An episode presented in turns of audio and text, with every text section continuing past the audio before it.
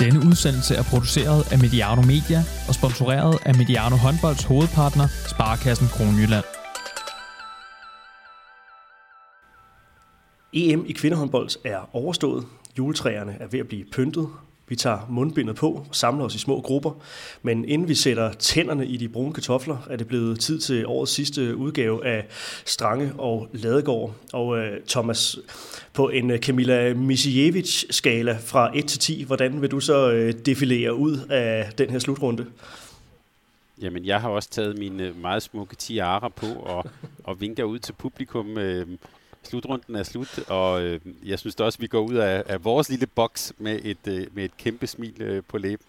Hvis man altid kunne have det ligesom Misijevic, så øh, ville det være godt, men julehumøret er næsten helt op. jeg har det Misijevic, det kunne godt blive en, øh, en, en, en ting fra nu af, når vi øh, snakker begejstring og håndbold, og det gør vi jo gerne her på, øh, på kanalen. Øh, lige en, en lille kuriositet, der, der bliver mange kuriositeter i den her udgave af, af Strang Ladegaard, fordi det bliver sådan en, øh, ja, et, et opsamlingssheet på en, øh, en slutrunde. Alt det, øh, ikke nørdet, som vi øh, på en eller anden måde er strøget lidt henover.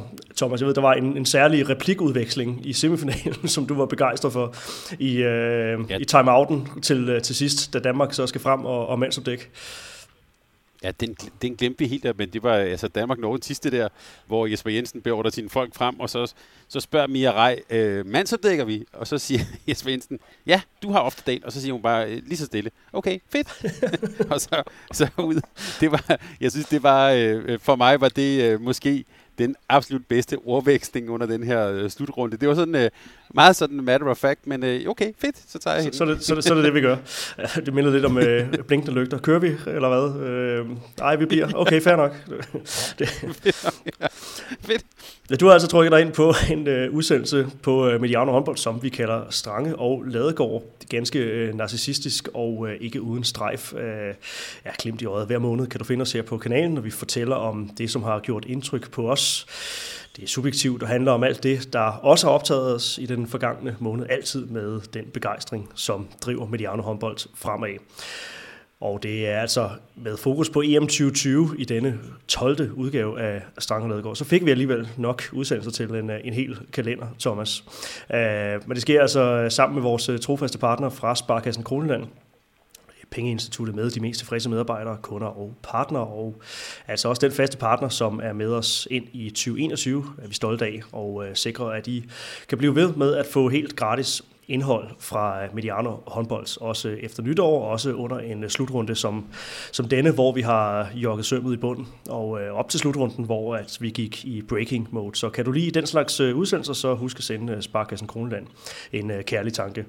Øh, Thomas, det er jo et meget julet billede, vi, øh, vi har foran os, når vi sidder her på vores, øh, vores lille Zoom-møde. Øh, jeg har lidt pynt i baggrunden, du har, du har træet i baggrunden. Jeg har allieret mig der med en, øh, en flødeklein, og der er fløde i, øh, i koppen også, øh, eller i kaffen.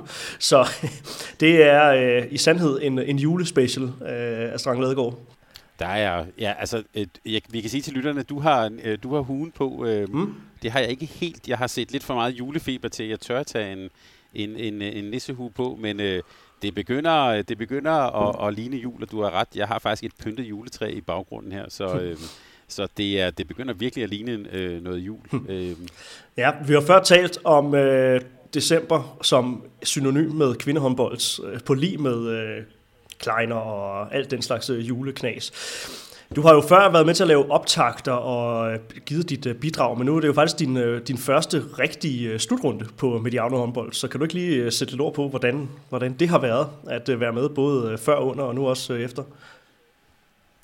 Jamen, øh, både sådan, man kan sige, som, som det forløb, men, øh, men også med de historier, så synes jeg, det har været virkelig, virkelig sjovt. Altså, øh, øh, de optagsudsendelser, vi lavede med nogle af spillerne, øh, høre om deres tanker, og så egentlig faktisk øh, se det, jeg vil næsten sige, se det udført inde på banen. Det synes jeg var, var, har været virkelig, virkelig interessant at være med, sådan både før, øh, under og efter. Altså jeg, jeg sidder og tænker på sådan noget med, at vi jo helt tilbage i øh, i maj måned talte med Jesper Jensen første gang, talte om øh, Garuda-profiler, øh, talte om, hvordan man kunne øh, bygge hold, og øh, også, vi har også, for jo faktisk også havde en lang samtale i, i, i coronatiden med Claus Brun, øh, da han var holdt op som landstræner.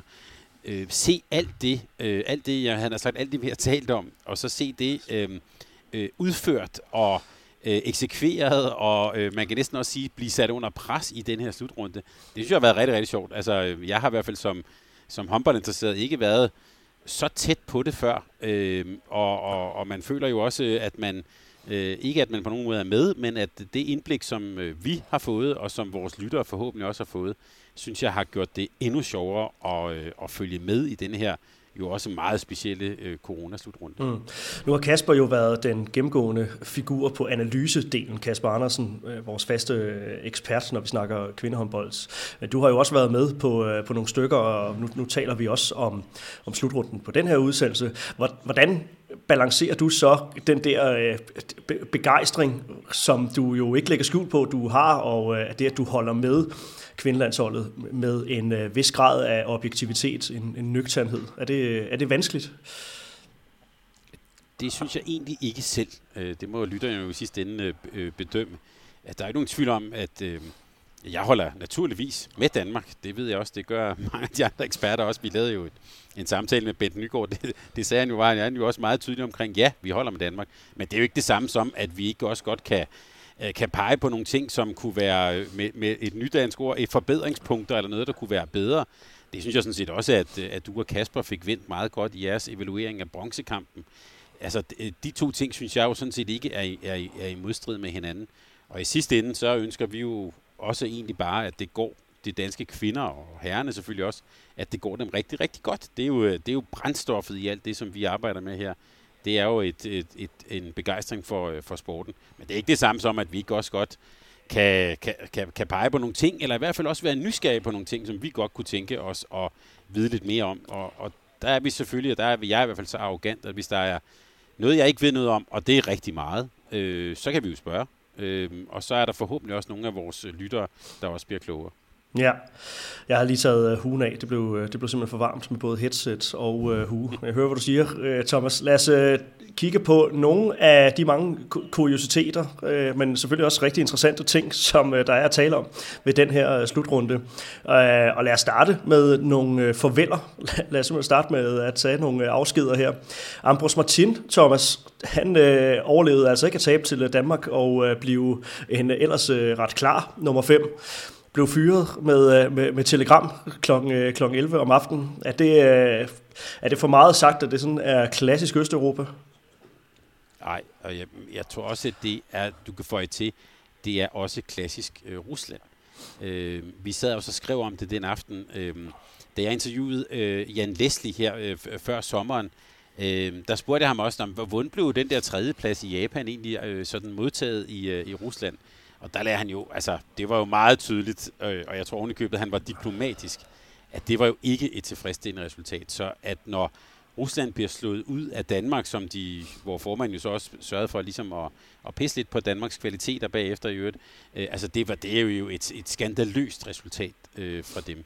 Øh, og og øh, så, så det, man kan sige, det var måske verdens mindste overraskelse, at han blev fyret. Mm. Øh, man, man kan sige, det, det som var endnu mere interessant, det var, at øh, at det, at det er jo, altså tidsmæssigt, så må den pressemeddelelse jo næsten være skrevet i løbet af anden halvleg, for det gik altså godt nok meget stærkt med at komme, at komme ud til medierne. Øhm, og jeg vil også sige, når man har set Ambros Martin, øhm, altså jeg, det der med øh, sproget, og så noget er på spansk, og noget er på engelsk, og, øh, og, og han virkede måske også på en måde lidt ud af fokus. Det var jo også ham, der øh, var på vej ud af den her coronaboble, og kunne vil var vel egentlig kunne være blevet sendt hjem, og hans hold sendt hjem og sådan noget.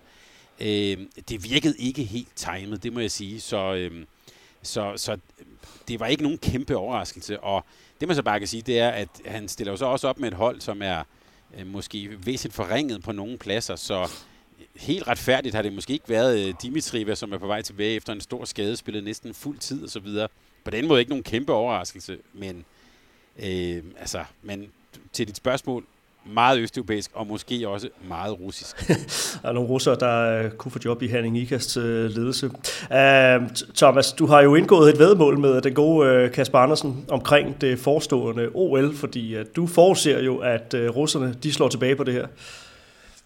Ja, altså det var så det, jeg talte med, vi skal tale med, med Kasper om, fordi det her med, at de russiske kvinder, det galt i øvrigt også i gamle dage for herrerne nogenlunde, men specielt for kvinderne, at de er dårlige i, i en EM-slutrunde samtidig med, at der er OL, det er der overhovedet ikke noget nyt i. Øh, det, det har aldrig været deres favoritturnering. Øh, men det er et OL til gengæld. Det er noget, der for alvor betyder noget i Rusland. Så jeg har simpelthen indgået et vedemål med, øh, med Kasper om, jeg tror faktisk, at Rusland vinder OL-guld. Og det kan jo virke som en lidt, øh, lidt sindig sådan, øh, påstand. Men øh, lur mig, øh, de kommer til at ligge i træningslejr, de kommer til for alvor at satse på det her, på det her OL. Og for mig at sige, når Dimitri og de andre er i topform, så har de altså også de spillemæssige kvaliteter. Men hvem skal så stå på, øh, på trænerbænken for dem? Ja, det er så det, der er det store spørgsmål. Altså det, Trefilov, Trefilov, øh, vores, vores gamle ven, har jo åbenbart udtalt, at der skal være en russer, der skal stå bag det her, og folk har jo spekuleret i, om det så skal være ham. Øh, altså, jeg, jeg tror med hans helbred og så videre, er det måske ikke sandsynligt. Et, et, et bud kunne jo være, at de så laver en, en ny Ambrose Martin, og så, og så er det jo altså øh, nordiske folk, vi har mere at gøre. Så er det jo Per Johansson, der er i Rostov Don, og det er Jan Leslie, der er i CSKA Moskva, og jo øh, også er meget tæt på det russiske forbund der i Moskva. Det er ikke noget dårligt bud, øh, at det kunne være en af de to, og det kan man jo bare sige, det gør jo bare det her endnu mere interessant. Og øh, hvis en af dem bliver landstræner, så tror jeg næsten, jeg vil love, øh, hvor lytter her, så får vi også et interview med dem inden OL. Øh, men øh, jeg har altså ved med Kasper, jeg, øh, og, hvis, og han siger Norge, så hvis, øh, hvis, han, øh, hvis, hvis han taber, så skal han give mig en linjeakvavit, og jeg skal give, øh, jeg skal give en, øh, en champagne. Jeg skal se, om jeg kan få fat i noget russisk øh, inden da. Men det er, det er vores vedmål, så, øh, og det står jeg ved. Jeg tror, at Rusland bliver olympiske mestre. Ja, vi to har jo også et øh, vedmål. Det må vi øh, lige returnere til i øh, udsendelsen her senere. Bella Gulden, Thomas, en af vores store darlings her på kanalen, skal vi også sige øh, farvel til i øh, landsholdssammenhæng. Isabel Gulden, det var simpelthen hendes øh, sidste slutrunde i gult og blåt. Øh, hvad vil du huske øh, Isabel Gulden for? Hvis jeg skal sige det på en, med et ord, så er det, så er det hendes afleveringer. Altså det, det her med, at når de ligger og kører et, et eller andet, øh, et fransk kryds eller lignende, så bare kigge den ene vej, og så bare tyre bolden igennem lokalet til en streg, der står øh, et helt andet sted. Det der overblik, de der sådan maskerede afleveringer, øhm, i det hele taget, man kan sige, hele hendes sådan øh, maskerede spil, der synes jeg, hun har været måske en af de bedste nogensinde. Altså hun, øh, hun havde måske ikke det bedste skud i, i håndboldhistorien, eller de hurtigste finder, øh, læs ofte date med videre, men hendes overblik og hendes afleveringer er, var en helt, helt anden verden. Øh, da hun var bedst, der synes jeg også, hun var verdens bedste. Så en meget sådan meget elegant spiller med et øh, utroligt overblik, og ikke mindst måske øh, de aller, allerbedste afleveringer, vi har set. Så, ja. øh, Hvordan rangerer hun øh, på, øh, ikke på niveau, men, men sammenlignet med øh, en, en Mia Hermansson Høgdal? Ja, jeg vil sige, altså Mia Hermansen Høgdal har jeg et lille stykke over Isabel Gylden, også fordi Øh, ja, Hermansson jo var jo, dengang hun spillede, var hun jo en decideret enmands her. Altså der var hun jo øh, i hvert fald et par år verdens bedste kvindelige spiller, og hun var det næsten sådan helt alene på sit hold, der øh, på, på sit svenske hold. Der har Gylden heldigvis jo for hende været en del af en god, øh, af en god generation, som, og det er jo også en pointe, som jo øh, med hendes farvel jo er måske stille og roligt ved at ved også at, at, at takke af. Altså, øh, jeg skal ikke afskrive øh, øh, Jamila Roberts, øh, Johanna Bunsen, øh, øh, hele, nogen, nogen fra den generation. Men man kan i hvert fald sige, at Sverige, for mig at se, kan man sige, efterhånden som Gulden og hendes generation takker af, der står øh, Sverige og den svenske øh, landstræner øh, Thomas Axner også over for, for mig at se, en kæmpe udfordring. Det er nogle meget store personligheder, der har præget svensk kvindehåndbold de sidste 10 år, som i hvert fald lige så stille er på vej øh, væk fra, fra tophåndbold. Ja, et svensk øh, der også har sagt farvel til øh, Louise Sand, som øh, jo i dag hedder Louis Sand. Øh, har simpelthen gennemgået et, øh, et, et, et kønsskifte. Øh, øh, en af de ja, meget få transkønnede øh, håndboldspillere, åbne transkønnede øh, håndboldspillere, og øh, går lidt i, i glemsel, men altså bestemt også en, en spiller med, øh, med kæmpe udstråling og kæmpe x-faktor, som jo øh, ja, nu i, i, i noget tid selvfølgelig ikke har været en del af, af det her svenske landshold. Så det, det, bliver, det bliver faktisk rigtig interessant at se, hvordan de får, får løst den, øh, den udfordring. Øh, så vi siger øh, farvel til Bella og øh, runder, runder afskederne af og øh, går altså til en, øh, til en EM-slutrunde 2020, Thomas, som jo øh, blev til noget, og det er jo faktisk måske i virkeligheden det største plus, det største flueben ved slutrunden, det var det faktum, at den blev afviklet. Vi gik jo i øh, begejstret breaking mode. Var det 10 dage før øh, åbningskampen blev, øh, blev spillet, at, øh, at, at vi fik det, den endelige øh, bekræftelse på, at det her EM altså ja, blev, øh, blev afviklet. Bare lige kort, øh, Thomas, endnu en gang, hvor, øh, hvor stor en glæde var det, at vi fik, fik det her EM løbet af stablen. Jamen, det ved jeg ikke, om vi skal gøre kort, fordi øh, jeg, jeg synes faktisk, det er værd at hæfte sig ved, øh, at det her, det lykkedes. Øh, altså det er ligesom om, at man her, der glemmer vi det næsten, og vi tager det sådan nogle gange næsten for givet, at når ja, selvfølgelig blev det til noget, og når det er i gang, så, så har vi selvfølgelig, det har vi også her på Mediano, fokus på spillet, og på trænerne og alt sådan noget. Men det her med, at det overhovedet blev til noget, der er der bare at sige en både kæmpe ros, men også en kæmpe tak til Dansk Håndboldforbund. De har for mig at se virkelig taget det der gammeldags begreb, taget en for holdet eller taget en for håndbolden. De fik noget til at ske, hvor det ellers var meget, meget tæt på, at det ikke kom til at ske. Så, øh, så det, det, det skylder vi dem altså en, øh, en, både en kæmpe ros og en kæmpe tak for. Øh, jeg hørte, at det var mere end 6.000 tests, der var blevet taget ind i den her boble. Og der var jo, vist sig jo faktisk heller ikke at være problemer med boblen andet end Ambrose Martin og sådan. Øh, så der er bare simpelthen at lette på hatten over, at det her det lykkedes på meget kort tid. Det fortæller også en kæmpe historie, synes jeg, om hvad dansk håndbold kan, og hvad ikke mindst hvad foreningslivet og de frivillige de kan. Så øh, der er bare virkelig øh, at lette på hatten. Det er imponerende. Det skal blive spændende at se, hvordan den her indsats bliver, bliver hædret, ikke bare i, i sportsverdenen, men i det hele taget i øh, kan man sige, den, den, det kulturelle Danmark, og når bedrifter i 2020 i det hele taget skal skal evalueres, skal øh, bedømmes ved diverse øh, awardshows osv. Jeg er med på, der er selvfølgelig noget, øh, noget sundhedspersonale, nogle ansatte i det offentlige, som, som nok kommer, kommer foran i køen til, til rigtig mange af de her hedersanvisninger, men, men det er altså, fra den her stol skal der, skal der altså lyde en, en kæmpe ja, fiktiv award til de, mange, til de mange frivillige. Thomas, vi skal tale om, hvad, hvad vi vil huske det her EM 2020 for. Øh, skal vi starte i øh, vores øh, halv musik watch afdeling og, øh, ja, og, og så konstatere at øh, måske nogen der har øh, hørt efter, måske nogen der har taget nogle ting til øh, til efterretning, men der er i hvert fald blevet øh, skiftet lidt ud i den gængse playlist. Det er, det er i hvert fald noget, som vi to jo går væsentligt op i. Vores øh, Mediano håndbold playlist ligger stadig derude. Men vi får lyst til at også rose DJ'en i Herning og også i Kolding. Øh, til en start kan vi jo bare sige, at øh, Volbeat er jo blevet udskiftet med Går med hunden gennem byen med Knacks. Og så bemærkede du jo, Johan, som øh, øh, godt set, jeg, jeg tror også, jeg har hørt den et par gange før, men lige pludselig, så kom jo simpelthen Love Me Do. The Beatles, ja. Love Me Do ud. Hvad sker der for det? Hvorfor?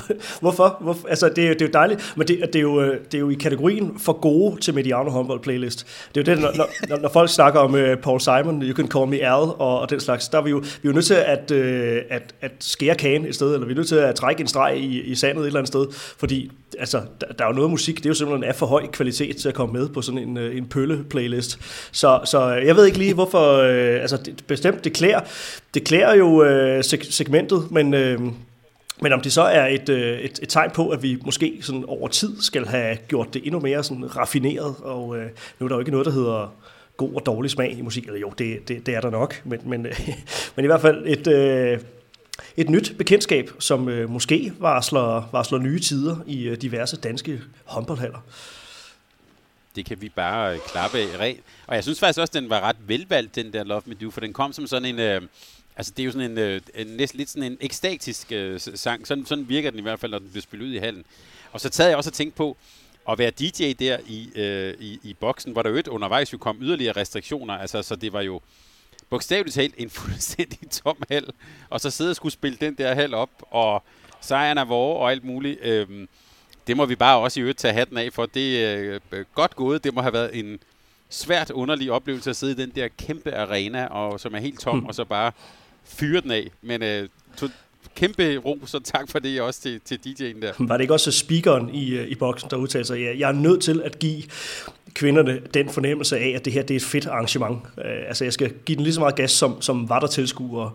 Altså godt nok ikke uh, noget med at sidde og, og, og kun udtale fornavnet, så man venter på, at der bliver råbt efternavn, fordi det var der jo ligesom ikke rigtig andre end spillerne selv til. Det kunne for øvrigt være fedt, hvis man havde gjort det, at bænken skulle, uh, skulle råbe med.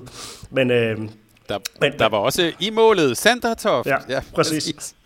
ja, men det, det, er, det, altså, det har jo helt sikkert været et, øh, en udfordring for, for spillerne at skulle øh, kapere det her. Hvordan synes du, at det, den der manglende stemning, hvis vi lige skal tage den, eller manglende øh, tilskuerstemning, hvordan synes du, den har, har afspejlet sig på øh, slutrundens øh, udtryk, aftryk? Hvad vil du øh, sige om det? Ja, men jeg lagde mærke til også, at Kasper sagde, ligesom, at finalen manglede lidt det der øh, lidt den der øh, sådan, næsten lidt storhed, fordi der ikke rigtig var, var, var de her tilskuere. Øh, og det kan jeg godt føle ham i. Jeg synes jo, det var en, en, en utrolig velspillet finale, men det der, øh, det der ekstra tryk, og jeg, jeg vil også sige, i nogle af de der danske kampe, altså, det havde jo været en kæmpe, kæmpe fest. Øh, man kan måske også spekulere i, at, at øh, jeg tror, i nogle af kampene var det måske en fordel for Danmark, at der ikke var det der, kan man sige, tryk udefra. Så kunne man omvendt sige, tror jeg, i sådan en bronzekamp, det var måske noget af det, der kunne have løftet dem. Øh, hvor de ellers var lidt på vej ned i, i, i et sort hul. Så det har vi selvfølgelig savnet. Øh, men altså, man kan sige, tv-dækningen og hele sådan intensiteten, den synes jeg nu, den synes jeg nu var øh, til stede.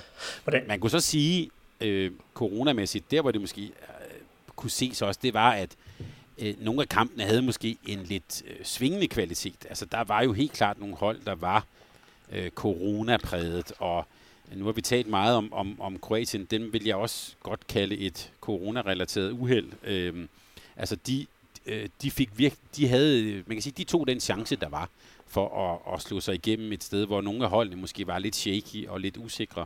Der kom de altså med noget, som, som, som i virkeligheden jo bragte dem næsten hele vejen, og i hvert fald til en, til en bronzemedalje, så øh, øh, godt af dem, vil jeg bare sige. Mm. Men, øh, men det var, altså Konaen tror jeg primært også sat sit præg lidt på nogle af de øh, nogle spillere, der var måske ikke var i helt øh, så god form, og en forberedelse, der ikke havde været, ligesom den plejer. Nej. Hvordan synes du det øh, ellers, at øh, coronaen øh, satte sit præg på, på slutrunden? Nu tænker jeg også, øh, altså du siger, der bliver taget mange øh, tests. Um, det var jo kun i starten af slutrunden, jeg oplevede, at der var noget fokus på det. Uh, den russiske træner går lidt ud af, af, af boblen, ikke? og alle skal udtale sig om det. Altså, det lige pludselig bliver små ting gjort store, men i virkeligheden, så som du siger, at der blev taget 6.000 test. Altså virkeligheden er vel, at der var ret godt styr på det under den her slutrunde. Fuldstændig. Altså det, det synes jeg er, er, er en virkelig god pointe. Altså, at man kan også bare sige, når man tænker omstændighederne, tager dem i betragtning, og så hvor lidt det fyldte, så er der også bare igen at klappe og lidt på hatten for, alle, for, for, alle, for arrangørerne og alle de frivillige, der fik det her til at ske. Altså, tænker man kunne det. Øh, at det er jo, altså, øh, en, en, ja, som du siger, en utrolig bedrift, og det er jo lige præcis en af den type bedrifter og indsatser, som vi bare tager for givet, at der er nogen, der stiller op til, og nogen, der gør. Men det er ikke noget, vi kan tage for givet, så, øh, så lad, os, øh, øh lad os endnu en gang på sådan lige slå fast, at det, at det var det er en enorm bedrift, at det kunne lade sig gøre. Mm.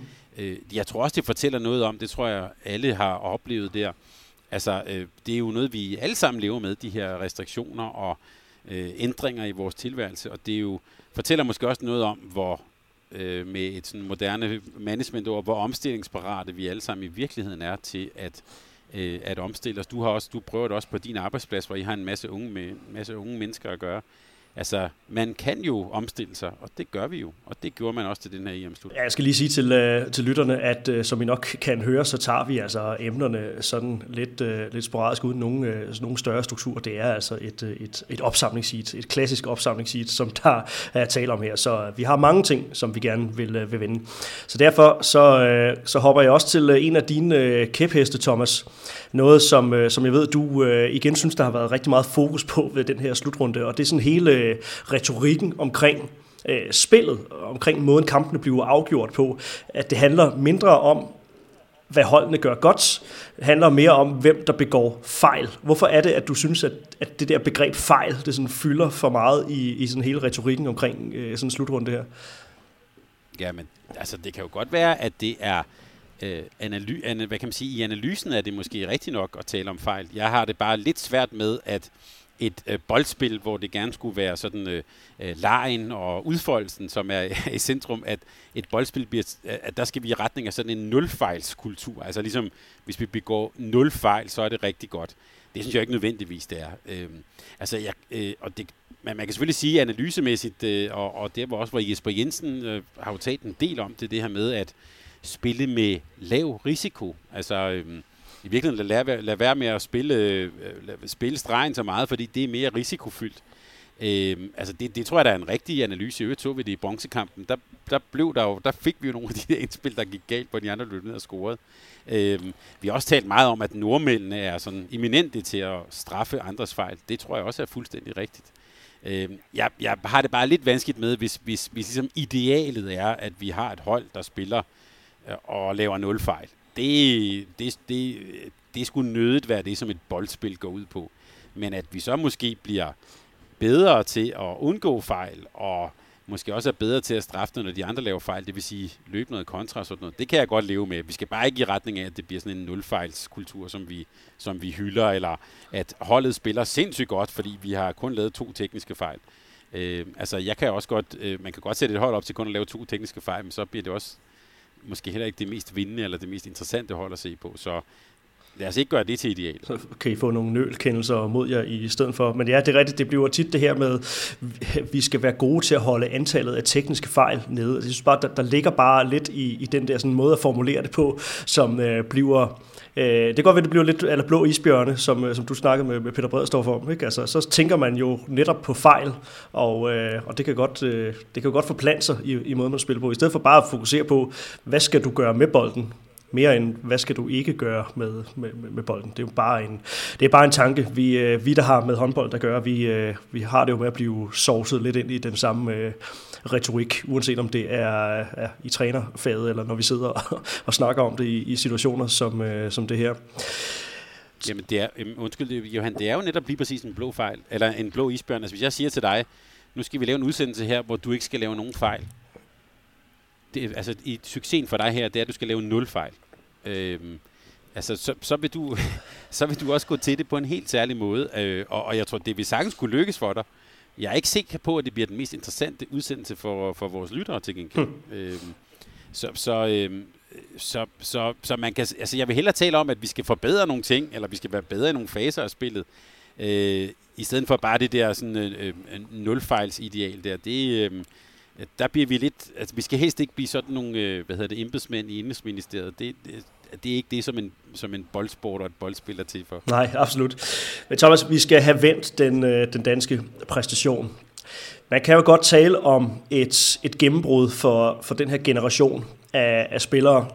Punktummet bliver ærgerligt. Det bliver desværre det, der kommer til at blive... Øh, ja, et stort fokuspunkt. Jesper Jensen sagde også, at han, øh, han håbede jo, apropos Blå Isbjørn, han håbede jo ikke, at det var, at det, var det, spillerne ville fokusere på frem til, øh, til, til spillerne samles igen i, øh, i marts måned. Kasper Andersen var også inde på det i vores øh, øh nedtagt forleden øh, på, på finaledagen. Men øh, ja, overordnet set, Thomas, absolut godkendt dansk præstation. Hvad står klarest for dig her øh, nu et par dage efter øh, at den sidste bold er blevet kastet? Jamen, det er jo et uhyre øh, positivt øh, indtryk. Vi, altså, jeg har også lige, øh, når man skulle lige sådan sluge den der skuffelse, øh, men når man tænker tilbage, øh, tænker tilbage på, at vi har slået, vi slog Rusland, spillede virkelig godt, spillede sindssygt godt i første halvleg mod, øh, mod Norge. Det er så nogle ting, som jeg i hvert fald vil, vil huske den her slutrunde for. Øhm, og så tænkte jeg også tilbage på nogle af de samtaler, vi har haft med, ja, med Jesper Jensen, med nogle af spillerne og sådan. Øhm, altså, han, han sagde jo helt tilbage i maj, at hans drøm var en semifinal, og jeg kan godt huske det, da jeg sad over for ham, og han sagde det, så tænkte jeg, og jeg, sådan, jeg kan huske, hvordan jeg formulerede det, men jeg spurgte ham også, er det, er det ikke lige lovligt øh, optimistisk? Og måske også var jeg lidt nervøs for, at han satte for meget pres på sig selv. Men det viser jo at være fuldstændig rigtigt. I alle de samtaler, vi har haft med spillerne, du og jeg, der har vi jo også sådan talt om, hvor, hvor ligger Danmark henne, og der, hvilke lande ligger foran os, og sådan... Øh, og der, det kan man, der skal vi bare lige huske, altså der har de altså øh, præsteret rigtig godt mod nogle af de aller, allerbedste i verden, og her, her mener jeg altså Rusland, Norge og Frankrig. Vi kan så også bare sige, altså vi er der ikke helt endnu, men jeg, det der står tilbage for mig er, at det her, øhm, øh, øh, den her slutrunde, det var, øh, om ikke et gennembrud, så var det i hvert fald et varsel om, at det store potentiale og den drøm, vi har på, på spillernes vegne, den er ikke urealistisk. Så jeg håber, at det her er noget, der på trods af bronzekampen virkelig giver, giver blød på tanden. Mm. Prøv at øh, komme ind på de største plusser, Thomas, fordi der har jo været rigtig, rigtig mange. Altså det her med, at vi er blevet et hold, som som, som mestendels slår de hold, som vi mener, vi er bedre end. At det, øh, indtil bronzekampen, så var det jo faktisk noget, der, der, der, der sad i skabet. Altså hvis vi føler, at vi er bedre end ja, selv Sverige, Spanien, ikke? Jamen, så går vi ind og gør vores arbejde der. Vi gør vores, vores job i mellemrunden, kommer over med, med, øh, med to point. Det er jo et, øh, et, et plus, man kunne, kunne fremhæve. Så er der jo også det her med, med nye spillere. Det er altid sjovt at holde øje med nye spillere, der træder ind på, øh, på scenen. Øh, Mia Reis øh, første rigtige slutrunde i en alder af, af 30 år, to virkelig øh, dirigentstokken her. Men også spillere, som tidligere har skuffet ved, øh, ved slutrunder, som, som leverer et mere positivt aftryk end, øh, end normalt. Og hvis vi holder lad os sige, hvis vi holder finale weekenden ude af det, så var det her jo faktisk øh, vel nok Anne Mette Hansens bedste øh, slutrunde. Det er også øh, første gang længe, synes jeg, man har set en så velspillende Louise Burgård virkelig gå ind og altså, gribe chancen, når det ikke var Mette Tranborg, der skulle spille den her øh, højre bak. Så der, der er også også noget i det her med, at, at spillere, som vi godt ved, hvad de kan, når de er på deres topniveau, at de så går ind og, øh, og gør det. Hvad, øh, hvad vil du fremhæve? Jamen, jeg er meget enig. Jeg synes måske, den du mangler i, i det, det er jo øh, Line Havsted, som jeg også synes... Øh, fik forløst noget af det potentiale, som, øh, som, som vi jo ved, hun har. Øh, og, og så måske vi, øh, til noget af det, du, du, du startede med, jeg synes, noget af det, der virkelig står frem, det er, at det er jo, øh, og det skal dansk håndbold jo være, et kollektiv. Men det er et kollektiv, hvor jeg tror, det er sådan rollefordelinger og måder at fordele kræfterne på. Øh, det er ikke fuldendt, men jeg tror i den grad, at der har Jesper Jensen fat i noget, hvor folk får en meget klar defineret rolle, og inden for den rolle, der kan de så blomstre. Anne Mette Hansen måske det allerbedste eksempel på det. Hvis vi lige tager de sidste sådan, minutter øh, fra, fra bronzekampen væk, og, og der, der er nogle enkelte elementer, hvor det bliver lidt, lidt det der øh, kaotiske øh, spil bolden ind til, øh, til fire kroater. Hvis vi lige tager det væk, jeg er enig, bedste slutrunde, og det tror jeg handler om sådan en meget, meget sådan tydelig rollefordeling. Øh, og så vil jeg også bare sige, altså det, det kan vi nok ikke sige nok gange. Mirai, det var et kæmpe gennembrud for hende. Øh, og øh, dem, der har råbt på, at hun skulle være en del af landsholdet, nu fik hun chancen, og hun greb den. Og jeg synes, hun tilførte det danske spil noget, som det har manglet, så det er også et kæmpe plus i min bog. Mm.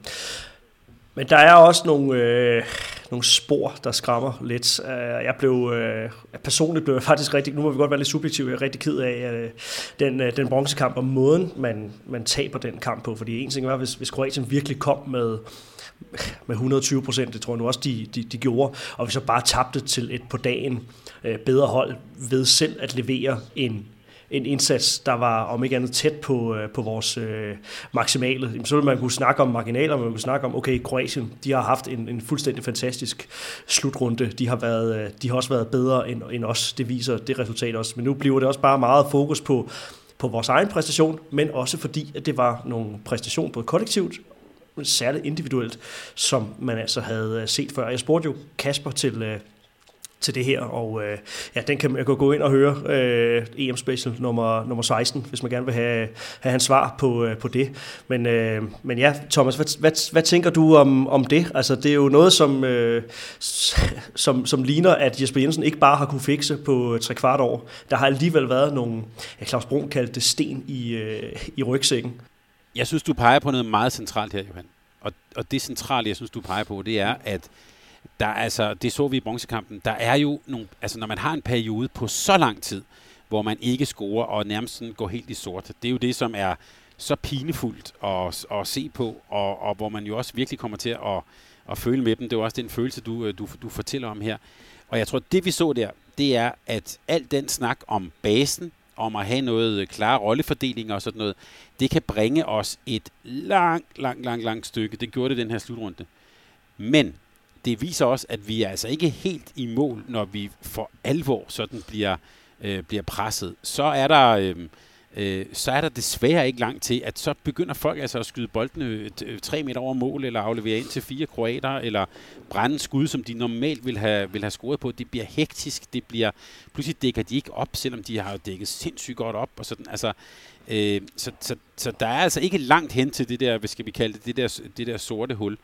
Øh, der må vi så bare sige, der har jeg i hvert fald den så optimisme i behold, der hedder, Ja, men de har heller ikke arbejdet særligt. De har ikke haft særlig lang tid til at arbejde med det her. Øhm, men altså, det, man kan sige, på det der mentale plan, lad os kalde det det store sorte hul, det er ikke væk endnu.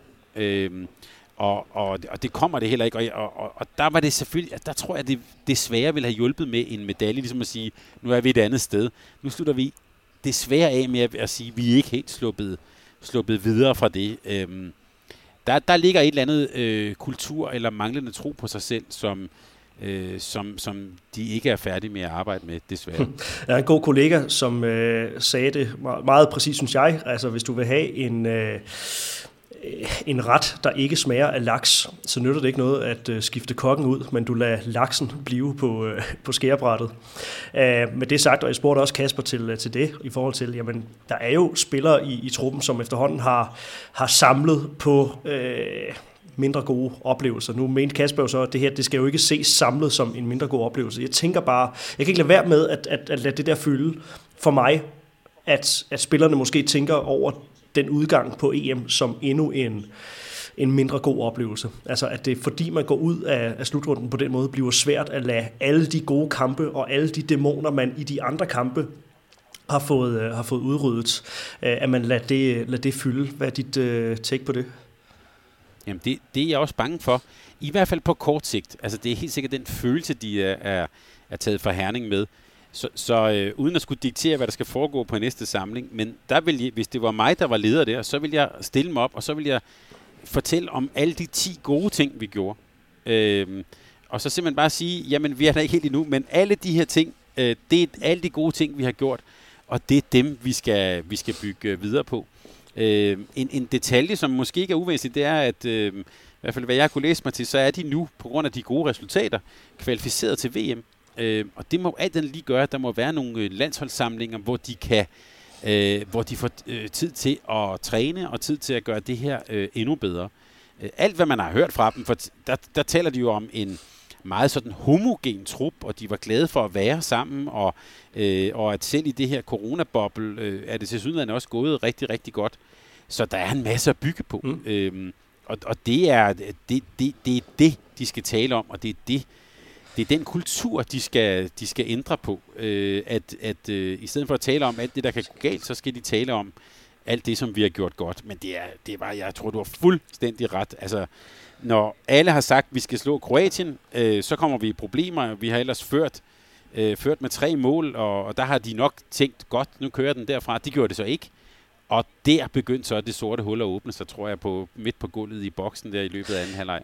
Og det er selvfølgelig noget af det, de skal arbejde på, og altså, det skal de have lukket. Ja, men man havde jo haft den der nærdødsoplevelse mod Sverige, hvor at øh, mediepresset også var stort, og svenskerne selv havde udtalt inden slutrunden, det var det dårligste svenske landshold, var det i 15 år, at det blev, øh, blev sagt. Men det var jo så en kamp, man, man så at sige overlevede.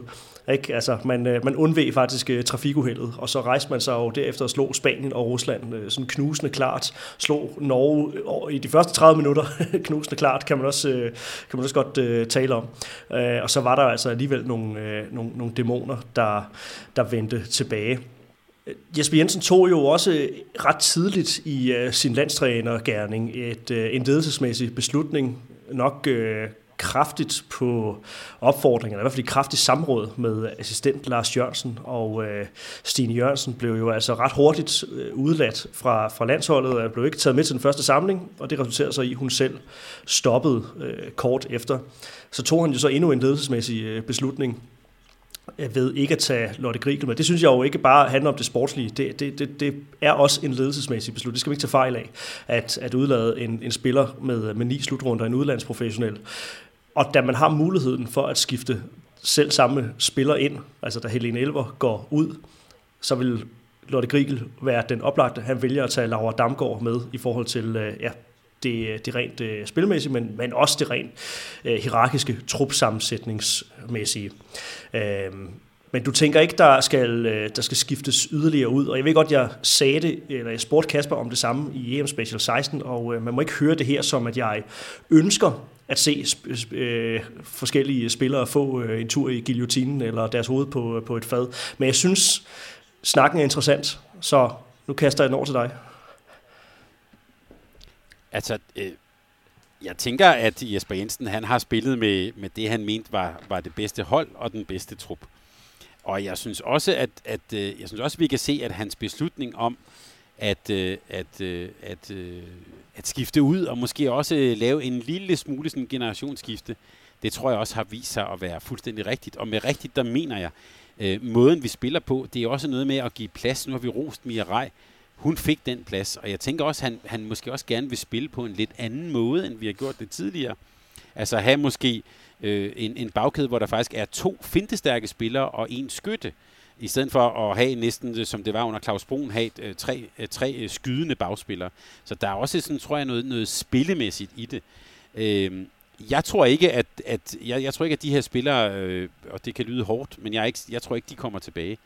Jeg tror, jeg tror, vi er i gang med et, øh, et, et sådan rimelig gedint øh, generationsskifte. Som, øh, og og det, det, vil jeg også være, det vil også være min anbefaling, at det er jo, i stedet for at sige, hvad, kunne vi, hvad, hvad skal vi tage ind af noget andet, så sige, hvad er egentlig gået godt her, og så bygge videre på det, som rent faktisk er gået øh, virkelig, virkelig godt. Man kan så sige, der kommer jo muligvis øh, et par øh, andre stregspillere ind, måske. Øh, det vil jeg da gætte på. Øh, og man kan måske også sige, at det er en plads, hvor der er kommet yderligere sådan... Øh, øh, hvad hedder det, yderligere konkurrence. Der er faktisk også et par unge, dygtige stregspillere på vej ind, måske. Øh, så det er i hvert fald et sted, hvor der er, er, er kæmpe, sådan, øh, hvad hedder det, kæmpe konkurrence om pladserne. Øh, og jeg tænker også, at, at vi jo har en ung trup, så jeg vil da rigtig gerne se en øh, Christina Jørgensen for eksempel. Øh, og, og jeg skal også lige huske på, at Mette Trandborg, hun er altså ung. Øh, så vi har både Christian Jørgensen og Mette Trambo, der har vi altså nogle spillere, som har mange, mange, mange år foran sig. Øh, og det, der, der tror jeg også, det er vigtigt, at vi holder fast i og bygger videre på dem, som har øh, en stor fremtid foran sig. Dem synes jeg, vi har mange af. Modtaget. En evergreen, når vi snakker slutrunde, det er diskussion om kampprogrammet efter slutrunden er gået i gang. Thomas, du har jo brugt øh, dig selv som øh, reference, når du er til øh, Lunderspilen Lunderspelen og til Holstebro Cup, og hvad du ellers er til som, som, som, som børne- og ungdomstræner. Så har man altså styr på kampprogrammet og det mulige forløb, inden man tager hjemmefra, hvis man er en god leder der er altid det der palaver omkring øh, kampprogrammet, og, og når vi går i gang med mellemrunden, nogen skal spille øh, hver anden dag og få den faste rytme, og nogen spiller to dage i træk, og så har de lige pludselig en ekstra øh, hviledag. Øh, bare kort, øh, Thomas, hvad, ja, hvad skal der næsten til, for at vi får ryddet ud i øh, det der flæveri? Men lad, lad os lige starte med at sige, for det kan, det kan godt blive meget langt det her, men lad os lige starte med at sige, at ja, det er egentlig fjollet, hvis vi sammenligner os med fodbold, at holdene ikke spiller ligesom hver anden dag. Og man kan også sige, at ja, det er det også, når der ikke er tilskuer i hallen, og tage hensyn til, at den vil jeg godt give. Og, og man kan også sige, jamen håndbold, det er en lille sport, og måske kunne vi gøre selv den tjeneste og tænke sådan lidt højere om os selv. Øhm, det kunne måske godt også løfte det øh, kommercielt. Men nu er vi altså en lille sport, og, og ud fra det er der altså så taget nogle beslutninger om, hvordan programmet er. Sådan har det været ved ved, ved mange af de tidligere slutrunder. Sådan var det også i Frankrig, da Frankrig var, var værter. Og det er altså et program, som er blevet sendt ud halvanden år i forvejen. Jeg gentager lige, halvandet år i forvejen blev det her, øh, blev det her sendt ud. Så er det altså helt ufatteligt, at lande som Rusland, Frankrig og Sverige, at de på forhånd ikke kender det her format, øh, og bruger utrolig meget tid på at brokke sig. Man kan godt ærge sig, men lige frem sådan at brokke sig og skyde EHF, og ikke mindst Danmark og DHF en masse i skoene, Ja, det må jeg indrømme, det blev jeg faktisk lidt stødt over. Øhm, og det var også det, jeg, jeg, jeg tweetede også nu. I Sverige siger de jo, at det, nu er det ligesom sådan noget Kalle Anka Cup. Jamen, så måtte jeg bare sige, jamen når jeg tager til Kalle Anka Cup med et eller andet børnehold, øh, hvis vi er tre hold til Lund og sådan noget, øh, så har jeg altså undersøgt på forhånd, hvis nu vi bliver et eller andet, hvornår skal vi så spille på dag 3, og hvad gør vi med bagagen og sådan noget. Det er sgu ikke så svært. Øh, og det undrer mig, og jeg vil også sige, det kommer sgu bag på mig, at, at sådan nogle landshold ikke, ikke kender til det her på forhånd. Øh, det synes jeg var virkelig, virkelig mærkeligt. Men øh, knæver fra hensideren, det var jo ikke kun omkring kampprogrammet, Thomas. Du, du, nu, har jeg, nu har jeg varmet det op, så du skal næsten have lov at øh, fortsætte, fordi at nok kan vi sidde i vores egen andendam og øh, hylde vores, øh, ja, vores, vores danske venner, øh, vores øh, arrangører af det her EM, for at EM blev til noget til glæde og gavn for en masse mennesker. Du brugte din, øh, var det din fars øh, bedste ven som øh, eksempel, der sidder øh, som 80-årig og ikke må, øh, må ses med ret mange mennesker og har haft øh, kvindelandsholdet som nærmest sådan helt, på helt Philip Fabers øh, maner et samlingspunkt, øh, godt nok med en noget højere øh, frekvens. Men, gudskelov, men, øh, men det har jo øh, ikke gået øh, ubemærket hen i øh, andre nationer, at, øh, at der har været en vis risiko forbundet med afviklingen af, af det her EM. Og det har altså fået lov at fylde, og vi skal, øh, vi skal igen hensideren. Ja, altså øh, faste lyttere af det her program vil jo vide, at jeg er jo sådan set meget, meget glad øh, for svensk håndbold. Øh, du er decideret svenskofil. Og, øh, også, ja, og også, også glad for sådan, øh, følger med sådan i, i dækningen i Sverige. Øh, øh, der er jo Johan Flink, som vi følger. Der er også øhm, øh, øh, øh, den øh, podcast, der hedder Offcast, som jo også har øh, tilknytning til tv oprindeligt osv. Øh, utrolig gode folk. Øh, og der må vi bare sige, at øh, de har jo også øh, fulgt den her turnering, og vi håber da, at de har haft glæde ved at følge dem. Øh, men jeg vil også sige, at, at den måde, som øh, den svenske ekspert Charlie Søstrand har omtalt Danmark og Norge på, jamen øh, jeg vil bare sige øh, tillykke, Charlie Søstrand, men vi kunne aldrig nogensinde finde på at tale om Vadmarks og Visland og Sverige, sådan som han har talt om Danmark og Norge. Først en, sendte han store sviner afsted til, øh, til Norge, Øh, og, og senest her også til Danmark, øh, ude i det her med, at, ligesom, øh, at det var noget, som Danmark havde fundet på, og han øh, jublede også over, at Kroatien havde slået Danmark i, øh, i bronzekampen. Så til øh, Charlie Søstrand, så vil vi bare sige øh, på svensk ørsjægter, undskyld, at Danmark påtog sig hele den her store risiko øh, med at gennemføre et EM til en, en, en netto sådan indtjening på absolut 0 kroner. Og øh, kæmpe undskyld, vi vil også sige til Charlie, for alle de mange frivillige mennesker, som har brugt deres ferie inde i en boble. De har simpelthen brugt deres egen ferie, tre ugers ferie, sådan at vi andre kunne få en oplevelse midt i coronatiden med sådan en lille smule håndbold fra en slutrunde.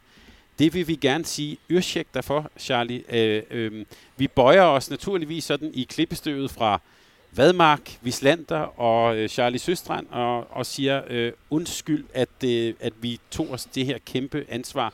Vi håber alligevel, at du havde en god oplevelse med, øh, med slutrunden. Øh, og vi, øh, vi skal nok sørge for at forbedre os på alle de punkter, som du ønsker. Øh, vi bøjer os selvfølgelig i stødet fra Store Sverige. Je suis Charlie, og lad os bruge det som en øh, bro til at lige gå i presselogen mode, Thomas, fordi øh, et, øh, et EM i håndbold, så på dansk grund især, det er jo, øh, det er jo genstand for stor dækning. Du har jo selv været på, øh, på News, det var du øh, søndag aften. Jeg bemærkede, at øh, der nu var kommet, øh, kommet mere end bare forfatter på dit, øh, dit titelblad. Det kan man jo glæde sig over at se øh, Mediano Håndbolds navn blive, øh, blive nævnt, også på øh, konkurrerende medier er vel at, øh, at, at stramme den, men øh, så i hvert fald øh, andre medier. Tillykke med en, øh, en god optræden der. Øh, men øh, hvis vi lige skal starte med, øh, med, med kæmpe ja-hat og, øh, og fidus-bamse, så øh, en darling her på kanalen, her på formatet her, Peter Brun Jørgensen, skal vi nærmest endnu en gang give en, en fidus-bamse for sin øh, smittende begejstring under, under det her EM. Altså, Peter Brun Jørgensen, han er, han er en, en, en darling, og ham vil vi øh, gerne give en stor, øh, på ny en stor fidusbamse det, det helt geniale, som de har lavet med ham, det er, at han ikke er der, hvor Danmark er. Øhm, så, så vil det tage overhånd. Øhm, ja, det, jeg tror, det er det vil tage overhånd, og så vil det også være sådan lidt, um, jeg tror også, det vil ligge en dæmper på ham, fordi, men, men her, når han øh, bare får lov simpelthen nærmest at, at udleve sin øh, begejstring for håndbold, det er lige præcis som du siger, det er smittende, og det er, altså du kan også bare sige, altså det er en tom hal i Kolding, med nogle hold, hvor nogle af dem er lidt corona-ramte og sådan noget. Han får det til at være mega fedt øh, at se, øh, se på kroaterne og alt sådan noget. Og det, øh, det, det fortæller bare noget om, at øh, det eneste, der smitter mere end, altså en begejstring, det er jo, hvis man lige præcis er som, som, øh, som ham her. Det, den der glæde og sådan noget, det gør også, at vi andre får en glæde ud af at se de kampe. Så ham må vi bare sende en stor ny øh, fidusbams. Og så er han suverænt øh, øh den bedste på tv til at øh, omdanne øh, positivt lavet ord til øh, superlativer. Ikke? Altså når han bliver spurgt, øh, spiller Ungarn godt? De spiller fremragende! Ikke? den, får, den får altid en, en, en tand ekstra. Jeg har faktisk fået at vide af nogle kollegaer, at øh, fordi jeg har gået og, og småpauderet ham lidt til, til daglig, så, øh, så kan de nu ikke øh, se på Peter Brun Jørgensen, uden at, øh, at lægge mærke til, øh, til de ting der. Så vil jeg godt lige sige undskyld til, øh, til mine kollegaer, og nu også øh, Medianos lyttere, øh, og Peter Brun for det sags skyld også, men øh, det, er, det, er faktisk, det er faktisk sagt i, øh, i kærlighed. Um, Brormand, Brun Jørgensen, øh, Thomas, er jo øh, på, øh, på TV2 som, øh, som ekspert, og øh, jeg synes jo et eller andet sted, at det har, det har været klædeligt og faktisk et, et scoop for, for dækningen af sådan set både herre- og, og kvindehåndbold hen over efteråret, øh, med den indsigt, som, som, som Claus har, har i, øh, i det danske øh, kvindespillere øh, især. Jeg synes faktisk, det har givet et, et boost til, øh, til dækningen der. Men jeg kan ikke lade være med at synes, at, at det at sidde og at dække en slutrunde lige, øh, altså slutrunden efter, at man har at man er blevet skiftet ud på, på landstrænerposten, at det er too soon. Altså, der er nogle ting omkring øh, det her med, øh, når vi snakker om at være på vej, og den proces, som, øh, som kvindelandsholdet har været igennem, også under Claus, og når der skal snakkes om om, om den udvikling i øh, studiet, mens han skal sidde og dels forholde sig til det, øh, og at de andre i studiet skal, skal forholde sig øh, til det. Jeg synes ikke, det kan undgå at blive sådan lidt elefant i rummet-agtigt, at det, øh, det tager lidt øh, tænder ud af, af de analyser, og det er jo ærgerligt, fordi at der gemmer sig jo virkelig mange, øh, at der er mange interessante snakke i, i, i det her. Øh, ja, det er faktisk dig, der har skrevet det på, på noterne, så øh, fyr af. Ja, men ja, altså, øh, præcis det der elefanten i rummet, synes jeg faktisk er en, er en rigtig god måde at sige det på. Øh, jeg har under slutrunden her fået sådan en, altså en del spørgsmål fra, man kan bare man kan sige sådan almindelige sportsinteresserede venner og bekendte, øh, øh, som når det er noget med håndbold, så nogle gange øh, så, så ved de, at jeg er fuldstændig, øh, jeg er jo så idiotisk begejstret for håndbold. Så, så spørger de mig, øh, er det ikke mærkeligt, at han sidder der i studiet, og øh, er det ikke for tidligt, og ja, som du siger, too soon?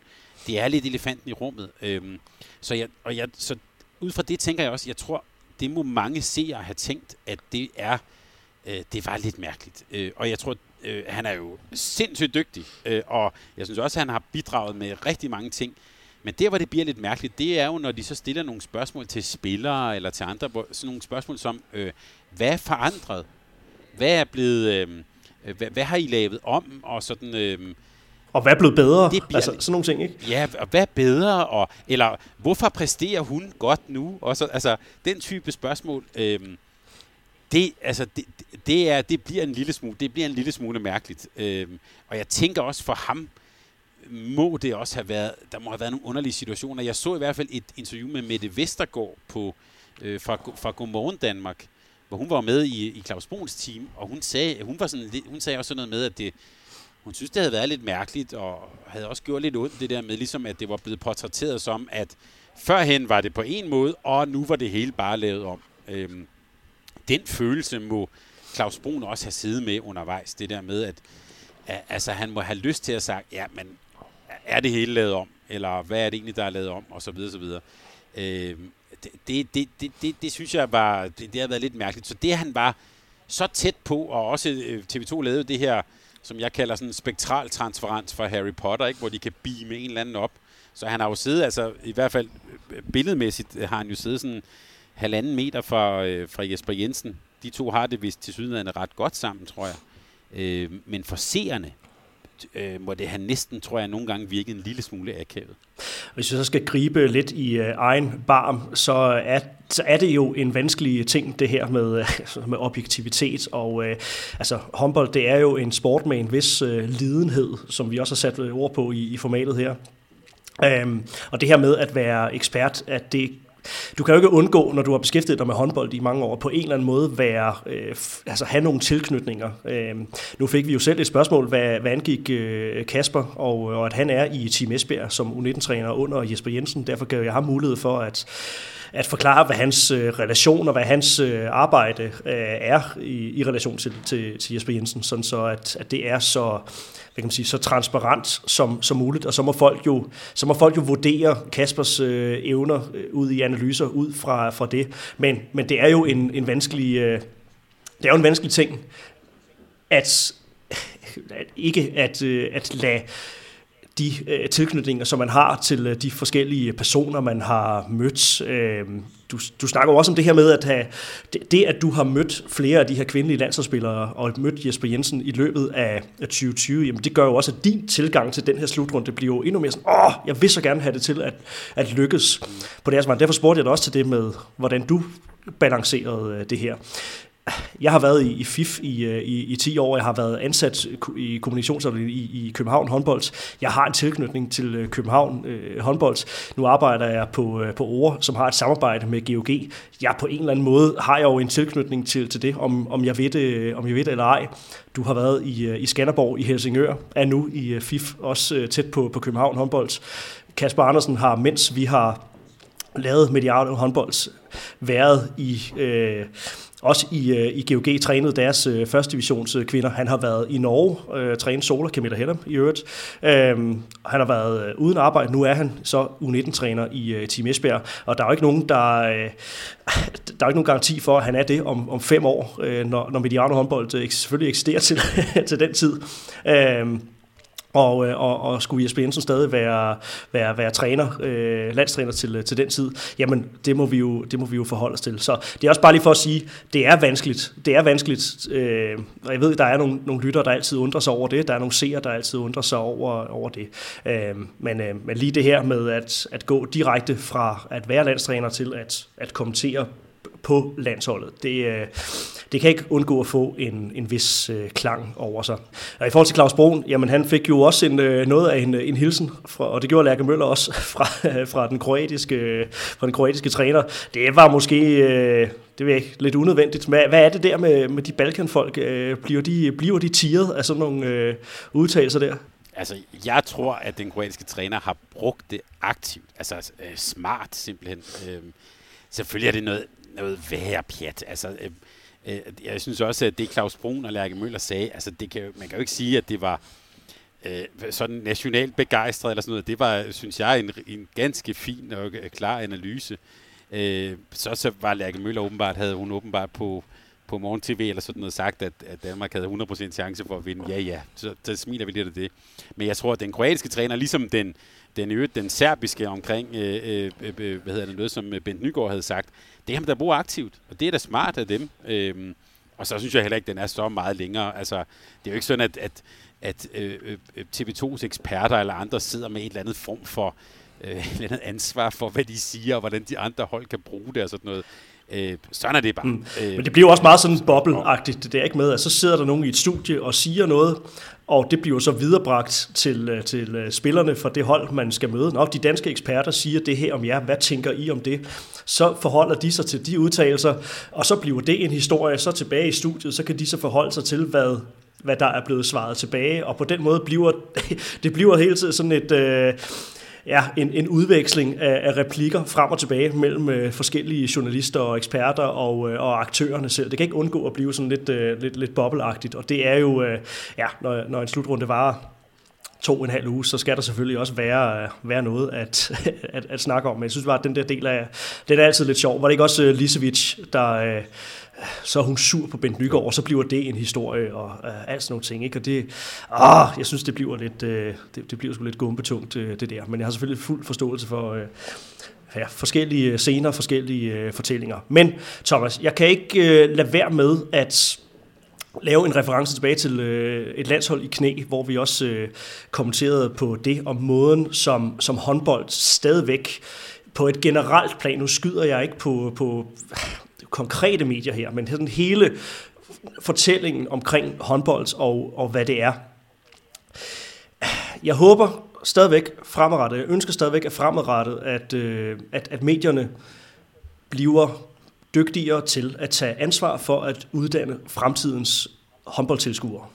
Jeg synes stadigvæk, der er for lidt til nørderne, hvis jeg kigger med, øh, med den brede kikkert. Vi snakkede om det, som sagt, i forbindelse med øh, et landshold i knæ. Håndbold bliver reduceret til lige dele hygge og lige dele vilde følelsesmæssige udbrud. Altså, det er så patosbaseret, så det gør helt ondt i maven. Og når det ikke er det, så bliver der talt til dem, der står på forreste række til Candice-koncerter. Jeg, jeg bliver så nødt til at spørge, og nu bliver det så selvfølgelig et konkret eksempel, så øh, det må man ikke øh, tage for mere end hvad det er.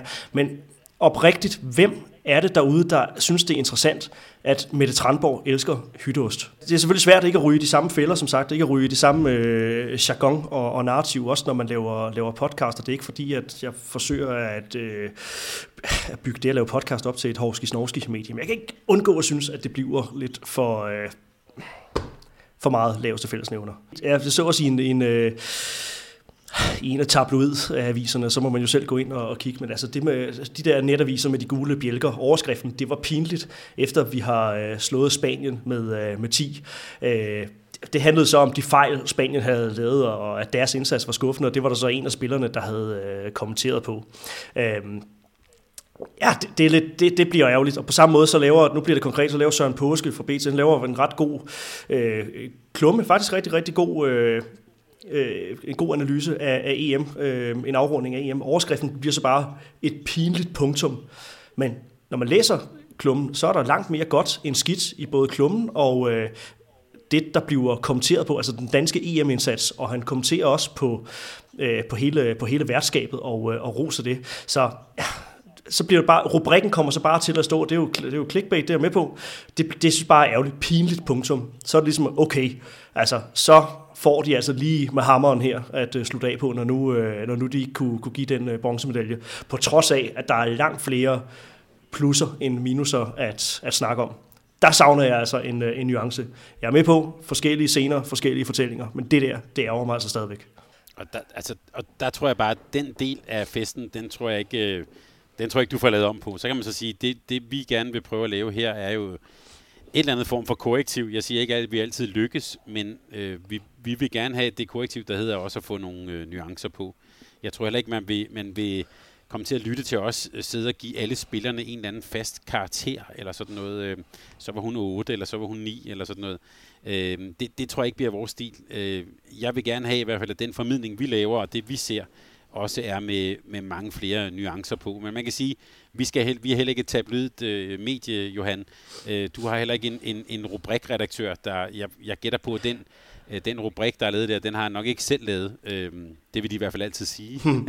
men, ja, men vi sidder jo også og skal give vores podcast øh, en rubrik, ikke? og jeg, jeg indrømmer det også nogle ja. gange, jeg tænker over, okay, hvad, hvad fanger mest muligt? Så det er jo ikke, fordi jeg ikke har forståelse for, at, at man skal have noget, der ligesom kan lokke folk med ombord. Ikke? Altså, jeg tænkte også efter, øh, efter søndag, dansk nedtur, eller det er ikke bare, nej, det bliver simpelthen for øh, harskt at skrive det på den måde der. Det skal simpelthen ikke være vores udgang på, øh, på EM-dækningen, at, at, øh, at, at nedtur for lov, for nu kan jeg ikke engang huske, hvad, øh, hvad, den, øh, hvad den kom til at, at hedde, men, øh, men ja, det synes jeg altså er, er ærgerligt. Jeg skrev medaljelyset brændt ud, fire søndag i advent. Okay, det var måske også lige øh, fint kulturelt nok, men, men, men øh, ja, jeg forstår det godt.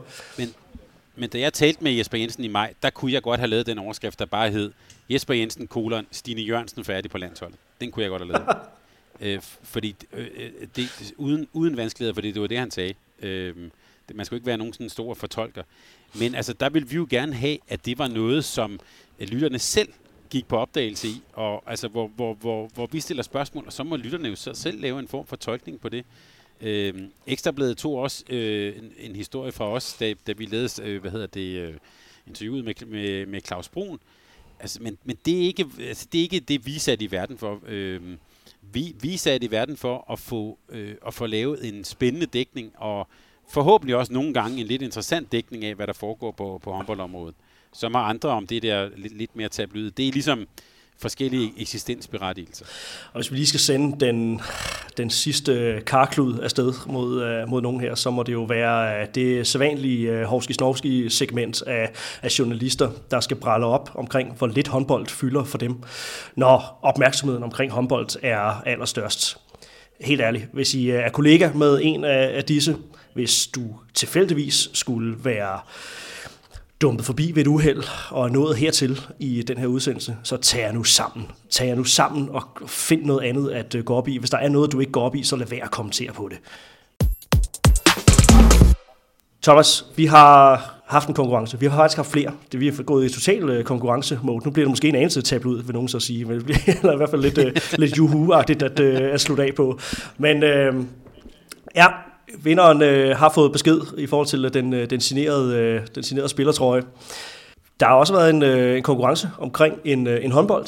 Ja, vi har øh, sammen med, med, med Select har, har jo været så, vil jeg sige, generøse at stille en officiel kampbold og 10 af sådan, øh, de her, man kalder replikabolde, altså øh, EM-boldene, øh, stillet dem til rådighed øh, til en konkurrence, og øh, vi har fået virkelig mange gode bud, og jeg har sat også pris på, at der var faktisk nogen, der også skrev en lille historie til, hvorfor lige præcis de skulle vinde øh, deres bold. Øh, vi har gjort det, at alle dem, som har, har noget at skrive, og, og skrive sig ind, der har vi simpelthen... Øh, øh, jeg har skrevet op på en lang liste, og så, øh, så, så trak vi simpelthen bare nogle tilfældige numre ud. Så, øh, så de vinder her, øh, dem offentliggør vi på øh, vores øh, Facebook-side, og de skal så bare lige sende en, en, en, en, med en direkte besked til os med deres adresse, så sørger vi for, at de får øh, får tilsendt en præmie. Men øh, når nu vi øh, har muligheden her, så kæmpe tak øh, til, til Select for at stille øh, den officielle bold til rådighed. Det er øh, fedt, vi kan lave sådan nogle ting undervejs i en, øh, i en slutrunde. Mm, og tak til, og til øh, landsholdet også, øh, og tak til, øh, til Sparkassen Kroneland for at stille den signerede landsholdstrøje til, til rådighed. Ja, Thomas, ja, jeg, du, kan, du kan mærke, hvordan jeg prøver nu her at, at smyge mig udenom, men, øh, men den, den går ikke, så... Øh, Ja, take it away. ja, ja, jeg har heller ikke så meget at, at gøre mig lystig over, men, øh, men vi havde jo på øh, holdet.dk havde vi jo sådan en, øh, en øh, miniliga Mediano, og jeg vil bare sige, øh, det, det gik op for mig, vi har altså de sejeste lyttere, det var jo, altså vores top 10 var jo nærmest øh, ikke identisk, men det var i hvert fald sådan, øh, de lå godt nok også højt op i den samlede konkurrence, så øh, vi kan bare sige, at vi har nogle meget kyndige og seje lyttere, men vi, havde jo, vi to havde jo et vedmål om, hvem der kom øh, højst op, og øh, vi kan bare sige her, øh, straffen bliver, at du jo skal fotograferes i en Liverpool-trøje på et eller andet tidspunkt, Johan. Det, og det er jo, ved jeg, en, en hård straf. Jeg slap for at tage en blå trøje på, det var også en kæmpe lettelse. Øh, så ja. så det, det, er, det er straffen. Men du kan jo få revanche her i januar, når, øh, når herrenes VM løber af stablen. Ja. Jeg vil så sige, jeg håber, at, øh, at folkene bag den gode øh, holdet.dk, øh, at, øh, at, at konkurrenceformatet bliver ændret lidt. Det skal ikke lyde som øh, en eller anden... Øh, Thomas Thomasberg-agtig undskyldning, eller øh, fransk og svensk øh, kvindelandstræner undskyldning her. Nu lyder, du, nu lyder du fuldstændig som Charlie Søster. Ja, ja, præcis, præcis. Jeg hælder vand ud af ørerne. Men øh, jeg håber selvfølgelig, at, øh, at formatet med, øh, med de kun to slags prisskilte, at det bliver ændret til, øh, til den tid. Men jeg skal lige sige, at jeg hoppede jo ret hurtigt af toget på grund af, af tekniske udfordringer. Mere vand ud af ørerne, men det er altså nu engang den, øh, den skinbarlige øh, sandhed. Så øh, jeg holdt ret hurtigt op med overhovedet at, øh, at opdatere mit, øh, mit, mit hold til den her. Så øh, ja, den får du, Thomas. Øh, jeg, skal, jeg skal se, hvordan jeg kan få kløerne i en, øh, en Liverpool-trøje. De er jo meget synlige øh, i, i de her år, så man, der, man skulle, det skulle være muligt at finde en efterskoleelev eller en anden, som øh, man, kan, man kan hugge den, den fra. Det, må, det er nok med at udnytte øh, det vindue, mens, mens man, øh, man har det.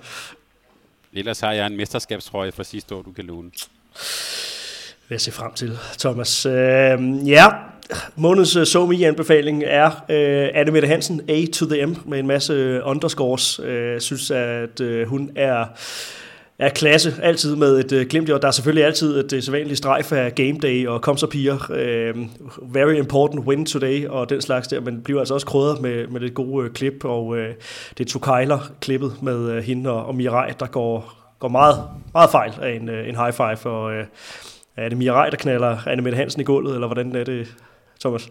Ja, det er, det er hun får faktisk det, det der vil bare kan kaldes en losing simpelthen fra Mirai.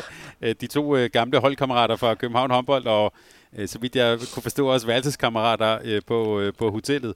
Øh, der var virkelig smæk på, og, hun, og ja, det ligner simpelthen, at hun bare simpelthen får en lussing, og, og det billede, der ligger der, der får hun lige kørt, kørt hovedet lidt, øh, lidt til siden. Det var et, et meget smukt øh, billede, og jeg synes også, øh, altså fedt, at der lige er noget, øh, noget ironi, og at, altså, det ikke bare er sådan noget, se mig, nu har jeg skåret et fedt mål, men altså et eller andet, en high five, der virkelig er gået galt. Det synes jeg er fedt. I hvert fald som et uh, supplement til de der eventlige uh, takeovers under sådan en uh, slutrunde. Det må jeg sige, Thomas. Det, jeg tror, du hygger dig mere med den slags, end, end, end jeg gør. Det, der bliver jeg gammel og sur. Det, det, det behøver jeg ikke. Det skal jeg ikke, uh, det skal jeg ikke bede om. Uh, ja, eller, eller jeg vil faktisk sige en, en anden variant, som er af en eller anden grund, så har jeg følt af Veronika Christiansen.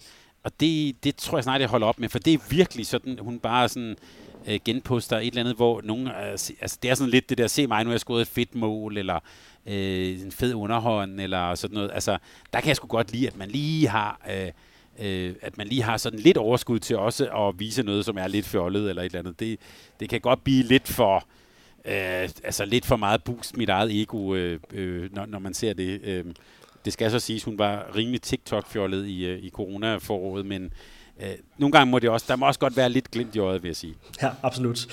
Næst sidste punkt, Thomas, ganske kort skal vi lige kigge fremad imod den kommende måned, og øh, vi bliver jo i, øh, i slutrunde-mode. Vi har talt, før talt om, øh, om håndboldens årsjul, og øh, ja, nu, skal vi, øh, nu skal vi starte forfra. Herrene skal en tur til øh, Ægypten, og Ægypten kommer vi jo også til at være, være tæt på, Thomas. Ja, altså øh, øh, vi skal ikke sige så meget om det, men vi kan komme med den lille teaser, at vi jo faktisk allerede er i gang med vores optag til, til VM i, øh, i januar. Vi har allerede været ude og lave de første optagelser. Vi har legnet en nogle ret spændende øh, personer op, hvor vi øh, både skal tale øh, lidt bag om det danske landshold, men også øh, øh, vurderinger af slutrunden osv. Det glæder vi os rigtig, rigtig meget til, og vi så jo med stor, kan man sige, øh, jeg vil næsten sige stor øh, glæde og begejstring også på den øh, trup, som Nikolaj Jørgensen har og Henrik Kronborg har udtaget. Og der var jo øh, øh, flere sådan spændende nyheder, som vi også kommer til at dykke ned i. Jeg vil bare lige kort sige det her. Altså en trup uden øh, Lauke, han er skadet jo, uden René Toft, uden Hans Lindberg, uden Janne Gren, men med Læsø, Gissel, Emil Nielsen, og øvrigt også Lasse Andersson og, og, og den gode hold med også med øh, synes jeg meget, meget, meget, meget spændende, og vi kommer til at, tror jeg også, at få en del, øh, en del diskussion om det her med øh, øh, balancen mellem defensiv og offensiv øh, på, øh, på det danske hold. Der kunne også være en lille underlægning, der hedder, at det her er jo også et skridt på vejen til et øh, formentlig et OL i øh, øh, over sommeren. Det er også, synes jeg, et, et, øh, et spændende perspektiv. Øh, og i øvrigt en, apropos det, vi har talt om her, en slutrunde, der også er i coronaens tegn med markante afbud, for eksempel på det tyske hold. Så øhm, spændende trup øh, og et spændende slutrunde. Vi skal lige fordøje kvinderne her, men jeg kan, mens jeg taler om det her, så kan jeg godt mærke, at jeg er allerede på vej ind i, øh, ind i det, jeg glæder mig til, at vi skal se i januar. Hmm. og det bliver altså ja, midt i januar, at, øh, at herrene tager hul på deres øh, VM-slutrunde i øh, Ægypten. Og det er jo et, øh, et forsvar af en VM-titel, og øh, skal altså spille i Hassan Mustafas baghave nede i øh, Ægypten. Det er måske så meget sagt. Der er jo ikke øh, corona, skal du huske. der er jo ikke corona, så det bliver, øh, ja, der bliver nærmest ikke tale om, om, om nogen boble. Det kan man, øh, det kan man fuldstændig uden bekymringer øh, tage til. Skal vi, øh, skal vi booke et fly, Thomas? Nej, det var for sjov. Ja, ja tak. Eller vi kan, også, vi kan også bare glæde os til, at der kommer en utrolig god tv-dækning. Skal vi ikke sige det? Det øh, glæder vi os altid til. Thomas, øh, på falderæbet, dit, øh, din anbefaling musikmæssigt, jule, julemusik her i, øh, i denne tid. Hvad, øh, hvad vil du sende dit skud ud til? Jamen, det var jo lidt inspireret af noget, som du, øh, du sendte ud i, øh, ud, ud i cyberspace om øh, sådan mest undervurderet julenummer. Så det tænker jeg, det synes jeg, vi skal tage op her i, øh, i, i vores podcast. Så øh, det vil jeg godt give mit bud på. Og for mig er det faktisk en, øh, en dansk sangerinde, som er, øh, synes jeg, øh, øh, måske lidt, også en lille smule underkendt. Øh, hun har været med også øh, både i bands og øh, med, som, øh, med på forskellige plader. Jeg har en, for eksempel nyt hende hos Nikolaj Nørlund. Stine Hjelm, men som jo lavede til Absalons Hemmelighed en sang, der hed Kære Søde Julemand, som øh, man skal ikke tage fejl af, af, af sangtitlen, men som har alt det, som jeg synes en god julesang skal have, nemlig længsel, vemod, melankoli, og så midt i det hele også håbet om, at det nok skal gå godt, og at øh, øh de gode kræfter sådan kan, kan hjælpe os. Så der, det er en sang, der har det hele, Øh, lidt ligesom mit all-time øh, favorit julenummer, som jo aldrig tror jeg bliver overgået, men øh, er jo helt tilbage fra Phil Spectors juleplade, nemlig med Darlene Love, øh, bare den sang, der bare hedder Christmas. Det er for mig det ultimative julenummer. Stærkt. Jamen, jeg går med... Jeg har faktisk jeg har haft svært ved at vælge, så jeg har taget øh, altså det, det pøllede og det gode. Øh, og fordi at, jeg synes jo, at... Og det, er så, det er jo så virkeligheden den tredje kategori, men jeg synes jo, at, øh, at alle fortjener at have et favorit øh, pølle julemusiknummer. Og øh, for mig er det Driving Home for Christmas. Der er noget omkring det her, når man i mange år nu har boet langt væk fra, fra sin øh, kære mor Øh, først i, i København, og så i, øh, i Odense. Øh, særligt efter at være flyttet til, øh, til Fyn. Det der med at uh, ja, køre over broen, og så et lille stykke motorvej, så skal man ellers ud af alle mulige må jeg have lov at sige, røvsyge landeveje mellem, øh, mellem Slagelse og, øh, og Næstved, inden man kommer på noget øh, motorvej i, igen. Med, det er sådan noget 10, 10 km lige ud, og så, så kommer der en rundkørsel, og der skal du bare lige over. Ikke? Og det, sådan er det bare i 70 km. Og sådan noget. Altså, det er simpelthen så kedeligt. Uh, men uh, der hører jeg Driving Home for Christmas uh, flere gange på den tur. Det er sådan en, der er også noget længsel i, uh, i den som, øh, som, som jeg holder rigtig meget af. Og så øh, det gode, det er så 2000 Miles, Pretenders nummeret fra 83, og det er fordi, jeg kan godt lide det der med, lidt ligesom med øh, julefilm, som ikke rigtig er julefilm. Altså det der med, at man altid skal se Bossen og Bumsen og Die Hard-filmene, og øh, et eller andet sted også alene hjemme, er jo ikke som sådan en julefilm, selvom at den, den foregår øh, i nogle juledage, så det er jo ikke sådan en, en juletemafilm. Så kan jeg også godt lide øh, 2000 Miles, fordi den blev jo ikke det var ikke til, tiltænkt en, øh, en kategori af, af julesang. Det blev egentlig bare udsendt som en, øh, en forløber for, øh, for deres album i, øh, i, i 84, uh, øh, Learning to Crawl. Øh, uh, stinkefedt album i øvrigt, men, uh, men det blev bare udsendt som en single. Og, uh, og så senere hen selvfølgelig blevet kategoriseret som et, uh, et julenummer, fordi at de synger uh, I'll be back at Christmas time uh, gentagende gange i, i den. Så den er, den øh, har en, øh, en vis øh, julestatus øh, hos, øh, hos mig. Så skal lige se, hvad jeg har skrevet. Jo, så den undervurderet. Ja, det var så det, jeg, jeg så sendte ud på, øh, på, på Twitter. Vil du være min i nat fra juletestamentet?